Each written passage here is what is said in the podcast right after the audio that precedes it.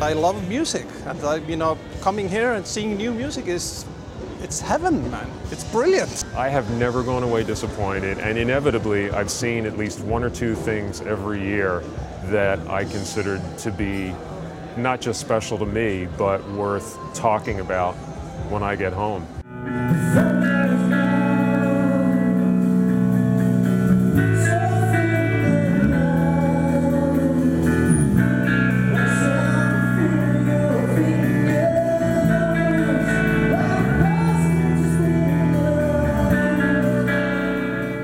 It's, it's very close to being a perfect festival for me. Lots of in- interesting music, lots of bands that you've never seen or heard of, which sound tremendous.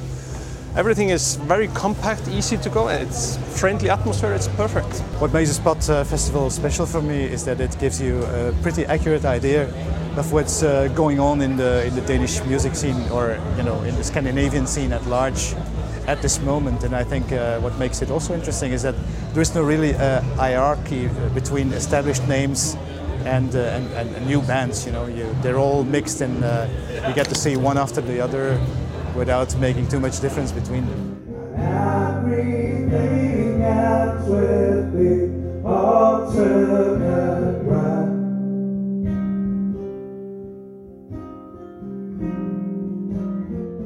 One of the things that I think makes Spot a special event is that it's it's very much focused on basically local musicians, local songwriters, local talent, and it's it's unusual in the sense that a lot of the festivals I go to, bands and people come from all around to come to one place.